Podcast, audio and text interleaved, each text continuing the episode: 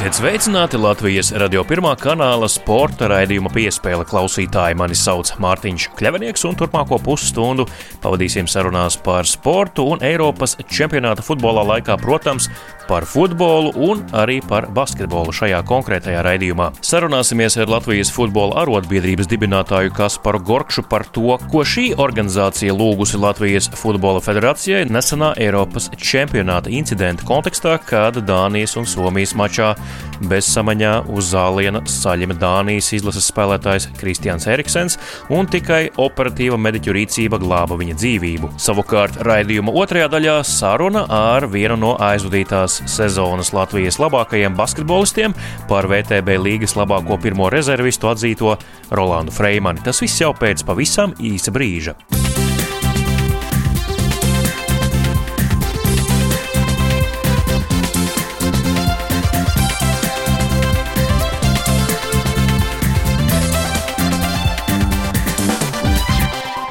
Sporta raidījums piespēle studijā Mārtiņš Kļavinieks un turpinās arī Eiropas čempionāta fināla turnīrs futbolā. Dānijas futbola izlases pussargs Kristians Eriksens piekdien tika izrakstīts no slimnīcas un devās mājās. Eiropas čempionāta fināla turnīrā Dānijas un Somijas izlašu spēlē pagājušajā sestdienā pirmā puslaika beigās. Eriksens pēkšņi saļima uz laukuma, ārsti nekavējoties devās laukumā un veica futbolistam kardipulmonālo reanimāciju. Sportists pēc atdzīvināšanas tika nogādāts slimnīcā, bet bet ceturtdien viņam implantēja kardioverteri defibrilatoru. Šī ierīce palīdzēs regulēt sirds ritmu ikdienā. Šis gadījums, kurš notika uz vispasaules futbola skatuves, beidzās laimīgi, taču ir arī situācijas, kad tā nenotiek. Eriksena gadījuma kontekstā arī Latvijas futbola arotbiedrība ir aktualizējusi šo jautājumu, aicinot Latvijas futbola federāciju nodrošināt ātrās neatliekamās medicīniskās palīdzības brigādes arī Latvijas pēc spēka otrās, jeb nākotnes, jeb kā agrāk to dēvēja pirmās līgas mačos. Par šo aicinājumu un Latvijas futbola arotbiedrības iniciatīvu vairāk stāsta šīs organizācijas dibinātājs Kaspars Gorkšs skaidrs, ka ik pa laikam mēs sas saskaramies ar vienu vai otru traģēdiju futbola laukumā. Īpaši tas ir aktualizējies pēc pēdējā atgadījuma, kas notika uz nu, Eiropas lielākās futbola skatuves, jeb Eiropas futbola čempionāta laikā. Mums ir bijušas arī vairākas, vairākas sarunas ar mūsu, mūsu arotbiedrības biedriem, kur ir izteikuši bažu, ka tieši zemāk līmeņa sacensībās bieži vien šis medicīniskais personāls pieejams, un otrkārt, ja arī ir pieejams, tad nu, viņš, viņa kvalifikācija nevienmēr atbilst tam standartam, lai no, novērstu kādu potenciāli tādu smagu gadījumu. Viena nianses, ko mums varam mācīties no šīs te, šī te nepatīkama atgadījuma Eiropas čempionāta laikā, ka ļoti būtiski un vitāli svarīgi ir maksimāli operatīvi reaģēt uz šādu tipu negadījumu. Šīs sekundes un milisekundes ir būtisks spēlētāju dzīvības glābšanā. Tieši elites futbola, futbolā šie atgadījumi, nu, diemžēl, turpina viņi notikt. Tas ir viens. Cilvēka organisms ir ļoti sarežģīts un komplicēts, un, un kā redzams, arī tādas striktas medicīniskas pārbaudas nevienmēr parāda to potenciālā skaits, kādas varētu būt, bet droši vien, ka labā ziņa ir tā, ka šie spēlētāji paliek dzīvi Un tas droši vien ir pats galvenais. Vispirms, lai mēs runātu par jebkādu futbolu, futbolu attīstību, šiem spēlētājiem jābūt dzīvēm. Šādai garantijai vai maksimālai iesaistēji būtu jābūt arī zemāka līmeņa futbola sacensībās, kur uh, bieži vien patiesībā šis kontakts un cīņas ir uh, daudz asākas, daudz reglamentētākas un pakļautas vairāk dažādiem negadījumiem vai starpgadījumiem. Tādēļ mēs uzskatām, ka šāda prasība par, par atbilstošas medicīniskās palīdzības atrašanos šo spēļu laikā ir ļoti būtiska. Eriksena gadījums jau parādīja arī to, ka vitāli svarīga ir arī klāt esošo komandas biedru spēja sniegt pareizu pirmo palīdzību un saulaicīgu, nekavējošu tāda doma nav, ka varbūt rosināt arī apmācības? Varbūt... Jā, šī ir nākamā šķautne vai nākamais solis, ka ir jānodrošina šie piesardzības pasākumi, kas būtu šis atbilstošais medpersonāls laukuma malā, nu, un otrs arī ir šī preventīvā apmācība, kas būtu jāpievērš uzmanība tam, lai spēlētājs iepazīstinātu, kā rīkoties viena vai otra negadījuma rezultātā. Tu pats kā profesionālis, kādreizējais, kurš spēlējis arī visaugstākajā līmenī, Anglijas Premjerlīgā, tev karjeras laikā ir bijusi kāda situācija, kad nu, tā brigāde skrien laukumā un sniedz palīdzību. Varbūt, protams, ne tik traki kā Eriksona gadījumā, es pieļauju, ka tā jau nav bijis, to tu neesi pieredzējis, bet kaut kas tāds ir bijis. Nu, skaidrs, ka jebkura no šīm traģēdijām patiesībā ir vienmēr stiprinājusi to pieeju, kāda ir. Jo, ja es atceros, ka Anglijā man spēlējot, bija šis Boltons spēlētājs, kurš arī uh, nokrita uz laukumu un principā viņa dzīvība tika glābta tikai tāpēc, ka attiecīgs jomas speciālists atradās tribīnēs vienā no pirmajām rindām. Gluži vienkārši paveicās, tad tagad šobrīd tas jau nav elites futbolā, tas jau nav uh, at, at, veiksmes līmenim, bet mēs redzam, ka arī medpersonāls, komandas medpersonāls ir pietiekami augstu kvalificēts šādu starpgadījumu risināšanā. Nu, un, protams, arī kā mēs redzam, jau arī spēlētāji zina, kā rīkoties vienā vai otrā situācijā. Pats es esmu zaudējis samaņu uz laukumu un varu tikai teikt to, ka tas gan ir atgadījies pēc, pēc sadursmes ar galvām, bet var teikt, ka arī, nu, jāsaka, vienmēr ir liels paldies mediķiem, kuri ir operatīvi spējuši rēģēt un, nu, jebkādu briesmas manai veselībai novērst lai tās nebūtu kaut kas nopietnāks vienkārši par sasitumu vai dažām šuvēm. Ir varbūt uh, vēl kas, ko jūs varētu nākotnē rosināt uh, bez šīm jau pieminētajām niansēm, no es nezinu, uh, kādas obligātās veselības pārbaudes, federācijas apmaksātas, iespējams, kaut ko tam līdzīgu, kas būtu vēl vajadzīgs. Es domāju, ka šīs prasības pēc ļoti detalizētas sirds kardiogramām un mērījumiem un izpētes ir, ir, ir jābūt obligātai prasībai. Otrs, kā jau teicu, šī medicīniskās palīdzības tuvums vai spēja operatīvi rīkoties negadījuma laikā.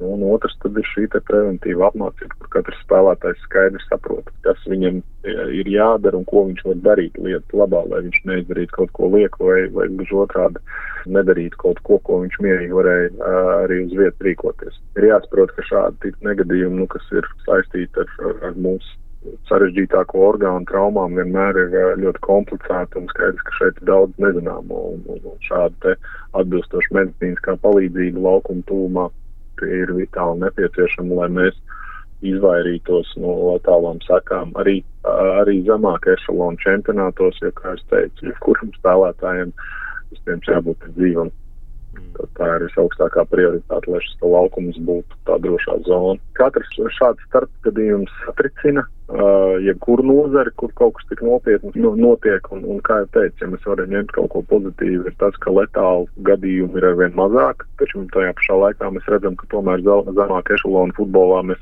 uh, arvien saskaramies ar spēlētāju nāves laukumu. Uh, mums būtu jādara maksimāli visu, lai mēs no tā izvairītos. Un nu, mūsu kā arotbiedrības uzdevums ir uh, nākt ar saviem ierosinājumiem, meklēt kopēju valodu ar futbola federāciju, lai, lai šo te vidi, kas ir futbolā, uh, gan laukumā, gan ārpus laukuma padarītu maksimāli drošu. Tie, kas skrien, tie arī ātrāk tiek pēc tam pa karjeras kāpnēm uz augšu. Tā kā ir jāskrien. Tad, kad es biju maziņš, tukumā, desmit šīs maigas, ar ko piesien cūkums. Sporta raidījums piespēle turpinās. Studijā Mārtiņš Kļavinieks un raidījuma turpinājumā parunāsim par basketbolu. Latvijas basketbola izlase šonadēļ aizvadīja pārbaudas spēli pret Poliju izbraukumā, nu, tādā eksperimentālā sastāvā, bet uh, šajā te svētdienas raidījumā parunāsim ar uh, basketbolistu, kurš nebija šīs komandas sastāvā šajā konkrētajā variantā, bet uh, aizvadītā sezona viņam ļoti laba klubu eh, basketbola eh, sakarā, un par to arī parunāsim. Rolands Freimans ir mans šīs dienas viesis. Sveiks, Roland! Sveiciens visiem klausītājiem! Eh, prieks, ka varu pastāstīt kaut ko nedaudz par sevi. Kā paldies! Kur tu atrodies šobrīd? Ar ģimeni joprojām vēl Polijā? Mēs jau esam mājās kādu mēnesi, jau mēnesi, nedaudz vairāk kā mēnesi. Sezona jau beidzās, no maija vidū kaut kur. Tad mēs uzreiz arī braucām mājās. Mums bija jābrauc mājās, mums jau tūlīt uh, ģimenes pieaugums, vēl viens džekiņš ieradīsies. Tā kā mums bija jāsteidzas uz mājām, lai paspētu atbraukt. Ar to arī apsveicam tavu ģimeni. Ceļat, ceļat Latvijas nākotni, tas ir ļoti labi. Polija, tu uztver kā mājas vai neuztver kā mājas? Tā bija tāda darba vieta, vai tomēr sajūties arī mājīgi ar ģimeni tur dzīvojot? Polijā ir tā, ka Polijā ir nu, tas pats, kas Latvijā, izņemot valodu. Tas pats ēdiens veikalos ir viens un tas pats.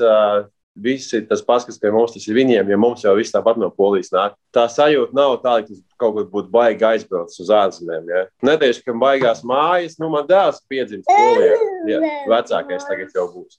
Līdz Jā. ar to viņam jau tā, tā kā dzimtā vieta savā ziņā. Līdz ar to arī mums kā ģimenei tā ir īpaša vieta un īpaša valsts. Nu, katrā ziņā slikti tur nav, bet mājās vienmēr ir foršā. Nu, tas ir skaidrs. Kristians nāca pasaulē Lodzes slimnīcā, ja es nekļūdos. Jā, pareizi.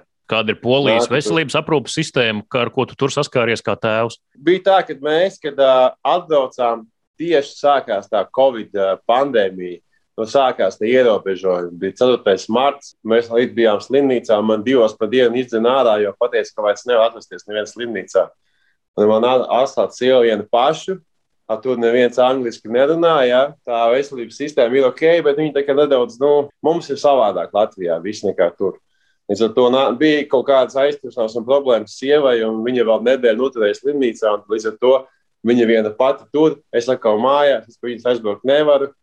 Un tas bija tā grūtāk, īpaši viņiem. Bet, nu, beigās, paldies Dievam, viss jau bija kārtībā. Nu, bet uh, izbaudījām to Covid, kā saka, pilnā tādā. Nu, ka, ka bija tie ierobežojumi, ka nevar tu sievu satikt tikko dēls piedzimst, nevar apskatīties. Tas bija tāds grūtāk. Bet tā jau viss pārējais jau bija ok. Nu jā, vēl sievietei pirmās dzemdības, tas arī ir papildus stress. Un, nu, es un vispār, es vispār viņu abrīnoju. Pirmās dzemdības svešā valstī, valodā neviens nerunā tur ar zīmēm kaut ko, ja tur kaut kādas tās, kas bija palātā, tās citas sievietes kaut ko mēģināja palīdzēt, kaut ko izstāstīt. Nu, Viegli nebija, ja godīgi, bet nu, man jau sieva stipri, viņa izturēja, tā kā viss kārtībā. Roland, tu jau esi izteicies citās intervijās, ka dēla piedzimšana tev deva tādu papildus grūdienu, varbūt arī vai enerģijas lādiņu, un tas arī redzams arī tavos uh, statistikas rādītājos vai parādītajā sniegumā kaut vai pagājušā sezonā. Tik tiešām tas bija tāds liels pārmaiņu vējš tavā dzīvē, kas ienes tādu pozitīvu auru ap to visu, kas darījās. Nu, nebija jau tā, ka bija slikta dzīve, bet tomēr. Jā. Nu, kad tev piedzimst bērns, tas ir kaut kas īpašs. Nu, tie, kas zina, tie zina, un tie, kas nezina, es novēlu vienmēr uzzināt. Tā ir kaut kas īpašs, un es uzskatu, ka tas viennozīmīgi parāda dzīvē jēgu kaut kādā ziņā, kas ir īstā dzīve. Jo līdz tam tu dzīvo tā kā sev, tagad tu dzīvo dēļ, dēļ ģimenes, ja, kas tev ir mājās. Un tas, atkal, protams, motivē un dzen uz priekšu, jo tu jau vairs neesi viens, tev atbild tagad par trijiem, nu jau pa četriem cilvēkiem tūlīt. Ja. Nu, tu nevari vairāk luni laist un kaut ko tur nosačkot vai nedarīt, jo tagad jau nav variantu. Tagad ir jāmačī, jāspēlē, vai vienalga, tas ir biznesa, sports, mācība, vienalga kādā jomā tev ir jāiet un jādara, jo tev atbildība ir par visu par savu ģimeni, un tas ir viņi jau uz tevi skatās. Un man, man dēls tagad augs, jā, man jau ir piemērs jārāda, es nevaru, kā saka, luni laist mājās, sēdēt divānā televizorā, skatīties, nedarīt neko. Tā kā viennozīmīgi pie tā jautājuma atgriežoties, tas motivēja, tas iedeva jaunu kaut kādu enerģiju simtprocentīgi, jo nu, tā man visi teica, man jau aģents teica, man vajadzēja 22 gados. Tad būtu aerolīga tagad, ja jau gadiem ilgi. Ja? Nē, nezinu, nu, to es jau arī zinu, kā tas ir tā spekulācija. Vajag. Tā būtu, ja būtu. Katrs, katrs savs ceļš ejams, katrs dara, kā viņam sanāk. Un katrā ziņā viennozīmīgi tas ir papildus nu, dzinulis, kaut kas cits. Tā, tā ir tā enerģija, ko nevar nekur dabūt. Par uh, dzīves prioritāti esam parunājuši, par ģimeni, parunāsim arī par to, kas uh, arī ir svarīgi darbs, uh, bet nekad, nu, es domāju, nav liekams prioritāri pār ģimenei, bet tomēr ļoti svarīgs elements. Tavs darbs ir basketbols, spēlēt profesionāli, aizdītā sezona, nu, varētu teikt, izcila. Tu to sauc par izcilāko savā karjerā, personīgi, individuāli. Viennozīmīgi gāja labākā Latvijā. Gan kā komandai sniegums bija labs, nu, varbūt tās beigas neizdevās, kā gribētos.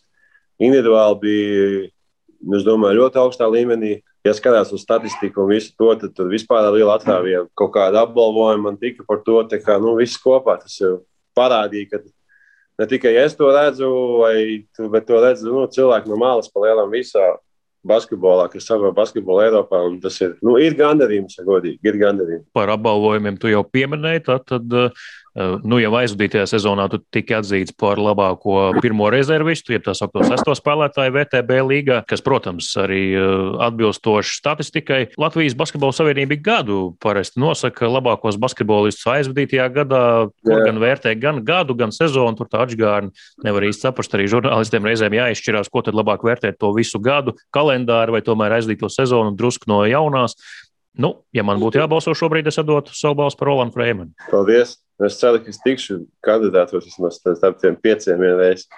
Bet, nu, tad jau redzēs. Nu, es jau neesmu pēc balām nekad zinies, ja man nav bijis nav bijušas tādas iespējas. Pirmkārt, otrkārt, es nu, spēlēju tā visādi. Nu, jā, tas ir patīkami. Tas ir patīkami, kad uh, cilvēki to redz no malas, un ka uh, tas nav tikai tā, ka man liekas, mums mājās varbūt. Es uzskatu, es nezinu, vai tu, tur vēl ir daži džeki, kuriem ir laba sezona šogad, jā, bet nu, es esmu viens no tiem top, kas ir bijuši, es domāju, nu, tā godīgi runājot, bez bez liekuļošanas. Ja? Tur kaut kādi 3-4 džeki, nu es tam pēc tam piemēru. Jā, un nu, tu arī savu līmeni jau pēdējos gados ik gadu noturi. Labi, statistika šogad labāka, bet spēlē jau tu labi pēdējos gadus 3-4 vienmērīgi. Tā ir tā stabilitāte, kas īstenībā nāk ar gadiem, ja godīgi. Kad es jaunāks, tu tā kā Labi, es joprojām pārdzīvoju, ka man ir slikta spēle. Jo, nu, man, ir, man ir iekšā tas, ka man vienmēr gribās iemest tos punktus. Es esmu tāds Nu, es tāds stiprs spēlētājs vienkārši esmu. Nu, man tas ir. Un tā stabilitāte nāk ar gadiem, kad tu beidz tik daudz domāt un stresot. Tu vienkārši ļauj tai spēlē pašai nākt. Neskrien uz visu laiku, uz visām pusēm, kā traks, ja suns no ķēdes norāvies. Stabilitāte ir baigi svarīgā lieta. Par to es esmu atkal priecīgs, ka man viņi tā turās visu laiku. Man visu laiku, katru gadu ir plus mīnus vienā statistikā, visas spēles.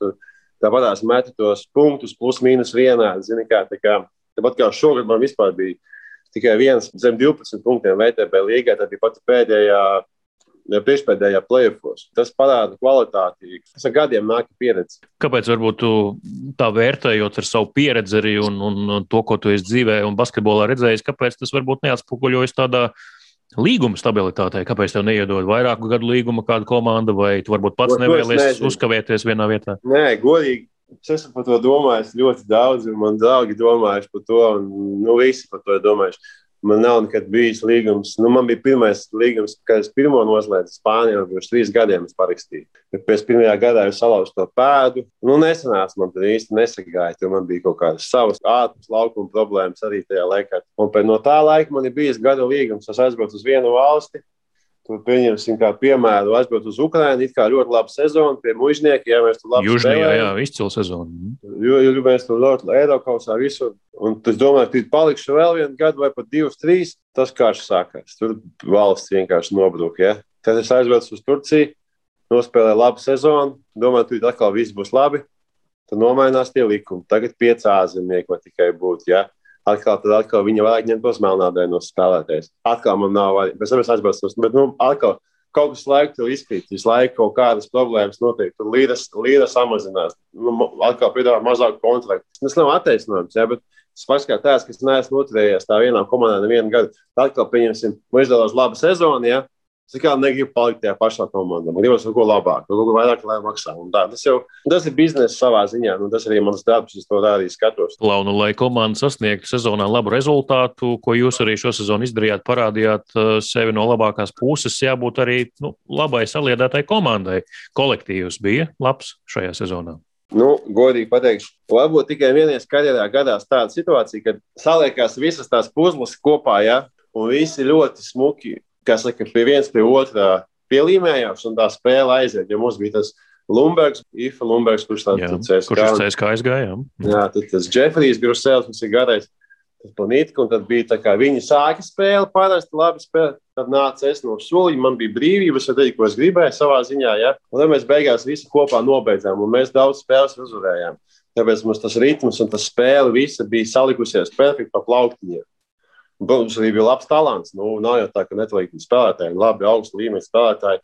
Bet tad, protams, notika, kas notika. Piedāvājumi no citiem klubiem, džekiem. Viņiem bija jāņem, nu, nebija variantu. Klubam arī bija finansiālas problēmas, viņiem bija jāpārdod IFA tāpatās, ka viņi pārdeva viņu lai varētu kaut kādus savējos parādus nokārtot. Tā, kā, nu, tā ir tā mazo klubu tā dzīve. Tu esi kā donors savā ziņā. Tā, žēl, tā jau gribējās to sezonu nobeigt ar to visu sastāvu, kas bija sākumā. Tad nezinu, kas vēl būtu bijis, ko mēs vēl būtu VTB būtu uztaisījuši kaut kādu baigot roksni. Bet, nu, Diemžēl nesanāca. Vai kādreiz vēl sanāks, nu, to jau es nezinu. Tevi sezonas gaitā vilināja kāds, gribēja izpirkt? Nē, vispār bija tāda sadarbība Mums bija polijas kauss, un tagad Ife pateica, ka viņš uz CSK brauc. Tad man vakarā Žants pasauca pie sevis, kā mēs apsēdāmies lobbyā. Viņš man saka, viņam arī bija piedāvājums braukt projām trenēt, ja? tieši tajā pašā laikā.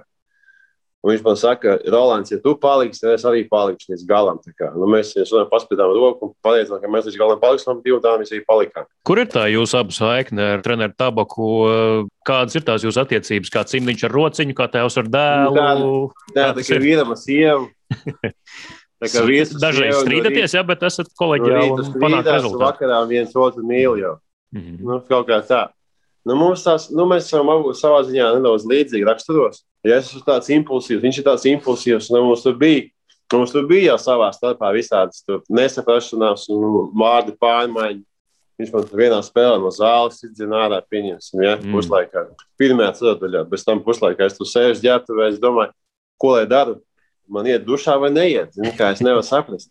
Domāju, labi, pagaidīšu puslaiku, iedomājieties, viņš ienāk iekšā no tās spēles, es tur stāvu vielītī nomazgājies, ja puslaikā. Es domāju, viņš būtu uzsprāts. Es, nu, tā beigās jau viss kārtībā. Klaurolanta VTB līgas tā ir labākā sastāvā spēlētāja balva. Bija kaut kāds brīdis sezonas izskaņā, kad jūs ar treneri jau nu, apsēdāties un sākāt varbūt druskuļi strateģiski domāt, ka, nu, Roland, tu esi tuvu tai balvai, varbūt druskuļi arī uzspēlējumi uz tevi vairāk. Nebija tāda sadarbība gluži. Viņš man vienkārši pateica, Mums vēl palikusi viena spēle ar astotni, laikam, pēdējā. Un viņš man pienāk, viņš saka, nu, tu zini, kas tev jāizdara, lai tu dabūtu to savu sastāvu spēli, tad tev šodien jāuzvar. Viņš man tur spēlēja visu spēli, bet mēs tāpat zaudējām beigās. Bet mhm. tā, ka strateģiski nebija tā, jo tāpatās, kad IFE aizgāja, tad tāpatās, nu, es biju tikai galvenais tas uzbrukumā, kam tā bumba vairāk nāca, es arī varēju mest to grozu. Nu, beigās es nolūzu, nevarēju jau strāpīt. Bet, nu, vispār viņš man uzticējās. Nu, nebija tāda sadarbība, ka viņš tur speciāli kaut ko. Jo tāpat tās godīgi jau likās, ka uh, mēs zaudējām to mākslinieci. Likās, nu, mēs nebūsim beigās sestie, būsim septītie. Un tad varbūt neiedos, jo nav, nav augsta vieta. Tur ir pēc spēlētāji ļoti labi, nu, ar vārdiem un labās komandās. Visi Krievi, Krievijas lielajos klubos. Un es domāju, ka, nu, goda Latvijam no Zaļona Godas jau, nu, šaubos, kad iedos. Zini, es jau līdz pēdējiem neticēju, ka būs. Man tikai dienu iepriekš paziņoja, ka es būšu. Un es biju ļoti priecīgs, godīgi. Es biju ļoti tāds, nu, es neticēju, ja godīgi. Nu. Bet, kā saka, tomēr laikam redzēja arī visi tie pārējie, ka nu, nu, man jau bija tie statistika jau tur bija atrāviena tik liela, ka nu, grūti jau kā bija nedod. Rolanda, man šīs sarunas ar sportistiem eh, pēdējā laikā arī, laikam, eh, arvien vairāk gadus strādājot sporta žurnālistikā ir ļoti interesantas, eh, tāpēc, ka es varu atklāt personības. Nevis jautāt standartu par to, kā nospēlēji, cik punktus iemet un kā tu to vērtē, bet tieši par, par personībām un par, par personību izpausmēm. Mēs jau te drusku parunājām par tavu nu, tādu varbūt skatu uz dzīvi, par iespēju izmantošanu un ļaušanos dzīves straumei. Tu esi viens no atklātākajiem Latvijas basketbolistiem, kurš šķietam intervijās vienmēr saka to, ko domā, un varbūt citi dažreiz slēpjas aiz standarta frāzēm, bet ar tevi vienmēr ir interesanti parunāt, jo tu pateiksi par lietu, kā ir. Tava atklātība tev kādreiz ir karjerā patraucējusi? Nu, ir jau. Es nemāku savādāk. Tas nebūšu es. Nu, to visi zina. Es nezinu, to zinu. Es esmu tāds, kāds es esmu. Es saku to, ko es domāju. Tāpat kā intervijās man ir bijis. Ir bijusi kāda situācija dzīvē, droši vien, ka dzīvē noteikti ir bijusi, bet uh, tieši basketbolā, pēcspēles intervijās vai vienkārši intervijās ka tu sev saki iekšēji, Rolandie, ko mēlē, nesaki, šo būs slikti. Ir bijis, protams, ka ir bijis. Es esmu, es esmu nepateicis dažreiz, nu, kaut ko nopusējis. Jo brīžiem gribās tā pateikt, ka nu, pēc tam būs liels problēmas. Es labāk nu, nepasaku. Tāpat kā jau mums jau sanāca tas, tagad, kas man iet līdzi, tas izlases pēdējā intervijā. Tā jau arī man joprojām ir līdzi. Es tā uzskatu, es tā redzēju, es neesmu, es neesmu mainījis savus domas, godīgi. Jā, nu runa radio klausītājiem tie, kur nezina, pēc zaudējuma Bulgārijai Eiropas čempionāta kvalifikācijas mačā ar vienu punktu starpību. Tu pateici televīzijas intervijā, jā, ka nu atbrauc bulgāru zemnieki un uzvarēja mūs, bet es jau uzreiz to nolasīju, ka nevis zemnieki nievajošā nozīmē, bet tādi jā, tā tiešām cīnītāji. Nu, at, tu jau, tu jau stāst. Tas jau bija domāts tā, ka nu, atbrauc reāli džeki varbūt ne talantīgākie, ka viņi vienkārši atbrauc ēda zemi un izkapāja, nu, mm. izrauja to uzvaru. Nu, mēs to neizdarām. Skaidrs, ka to jau pagriez visādīs. Man pēc tam tur nāca Instagramā, Facebookā, Twitterī no Bulgāru kodiem faniem ziņas, ka es tur tāds un šitāds, un es domāju, man gājas mamma arī, mamma jau tur pārdzīvo, viņas tur šausmas, šausmas, kāda tā varēja. Es saku, varbūt tev vajag kaut kādu atjaunošanos rakstīt, ja? Es domāju, par ko man atvainoties. Man nav par ko atvainoties. Es Jā. pateicu, tā kā pateicu, ko es jau. Es jau neko sliktu nebiju domājis. Kā, nu, Sev kādu to interpretu. Kā, Jā, kā cilvēks to nolasa, tulko, tas jau ir uh, no katra atkarīgs. Tāpēc man arī negribējās tur īsti neko atvainoties. Jo es nejūtos, par ko man jāatvainojas. Nu, par savu to viedokli, nu, nē, nu, pēc. Katram ir tiesības uz savējo viedokli. Labi, ja es būtu pateicis vienkārši, tur, ah, nu jā, mēs zaudējām, tad viņi bija labāki. Nu, kāda jēga? Mm. Nekāda. Bet, nu, protams, atkal, kā vienmēr, es esmu uz tām pēdējām izgāšanas spēļu intervijām. Tāpat kā bija 15. gadā čempions, kad mēs zaudējām Čehijam Olimpisko kvalifikāciju. Tad jau arī es aizgāju un pateicu vispār neatkārtošu labāk, ko es te pateicu. Mm -hmm. Tur rupji bija. Nevar Latvijas rādio teikt tādus vārdus. Jā, nu, Roland, ja tu neiegūsi šī gada Latvijas labākā basketbolista balvu, varbūt saņemsi kādu nomināciju vismaz par spārnotāko teicienu gada beigās, ko vienmēr izvirza. tāds dod vispār kaut ko? Tāds dod, jā, jā. Ja sporta žurnālisti izvirzīs, tad droši vien, ka tu būsi nominācijas skaitā, es domāju. nu, vēl jau dārziņš arī, dārziņš arī labi pateicis hoķī, ka viņi spēlē par tiem kazahiem, viņš teica, ja ievēm, iesim, izvēmsimies, un tad iesim. Jā, jā. Tas arī bija ģeniāli. Jā. Klausījos eh, viņa intervijas kaut kādas, man arī patīk. Viņš tāds ir rēcīgs. Turpinot šo pašu tēmu, Rolanda, man no malas šķiet, un tu droši vien varēsi pateikt, kā ir īstenībā, vai es maldos vai nemaldos, ka varbūt šīs atklātības dēļ tu dažreiz esi nērts Latvijas izlases treneriem. Ir grūti pateikt, kā tur. Varbūt, varbūt jā, varbūt nē. Tas viedoklis dalās. Treneri Latvijā arī dalās. Viņi tur Tāpat, kā es jau senos norakstījis, spēlētājs bijis. Bet tāpat man vienmēr aicina izlasīt. Ja vienkārši spēlē kaut kādā līmenī, ka tu vienkārši nevari neaicināt. Nu, tas tikai kaut kāds caurzīdās sabiedrības spiediens kaut kādā mērā, tomēr, nu, mm. tajā tās basketbolā.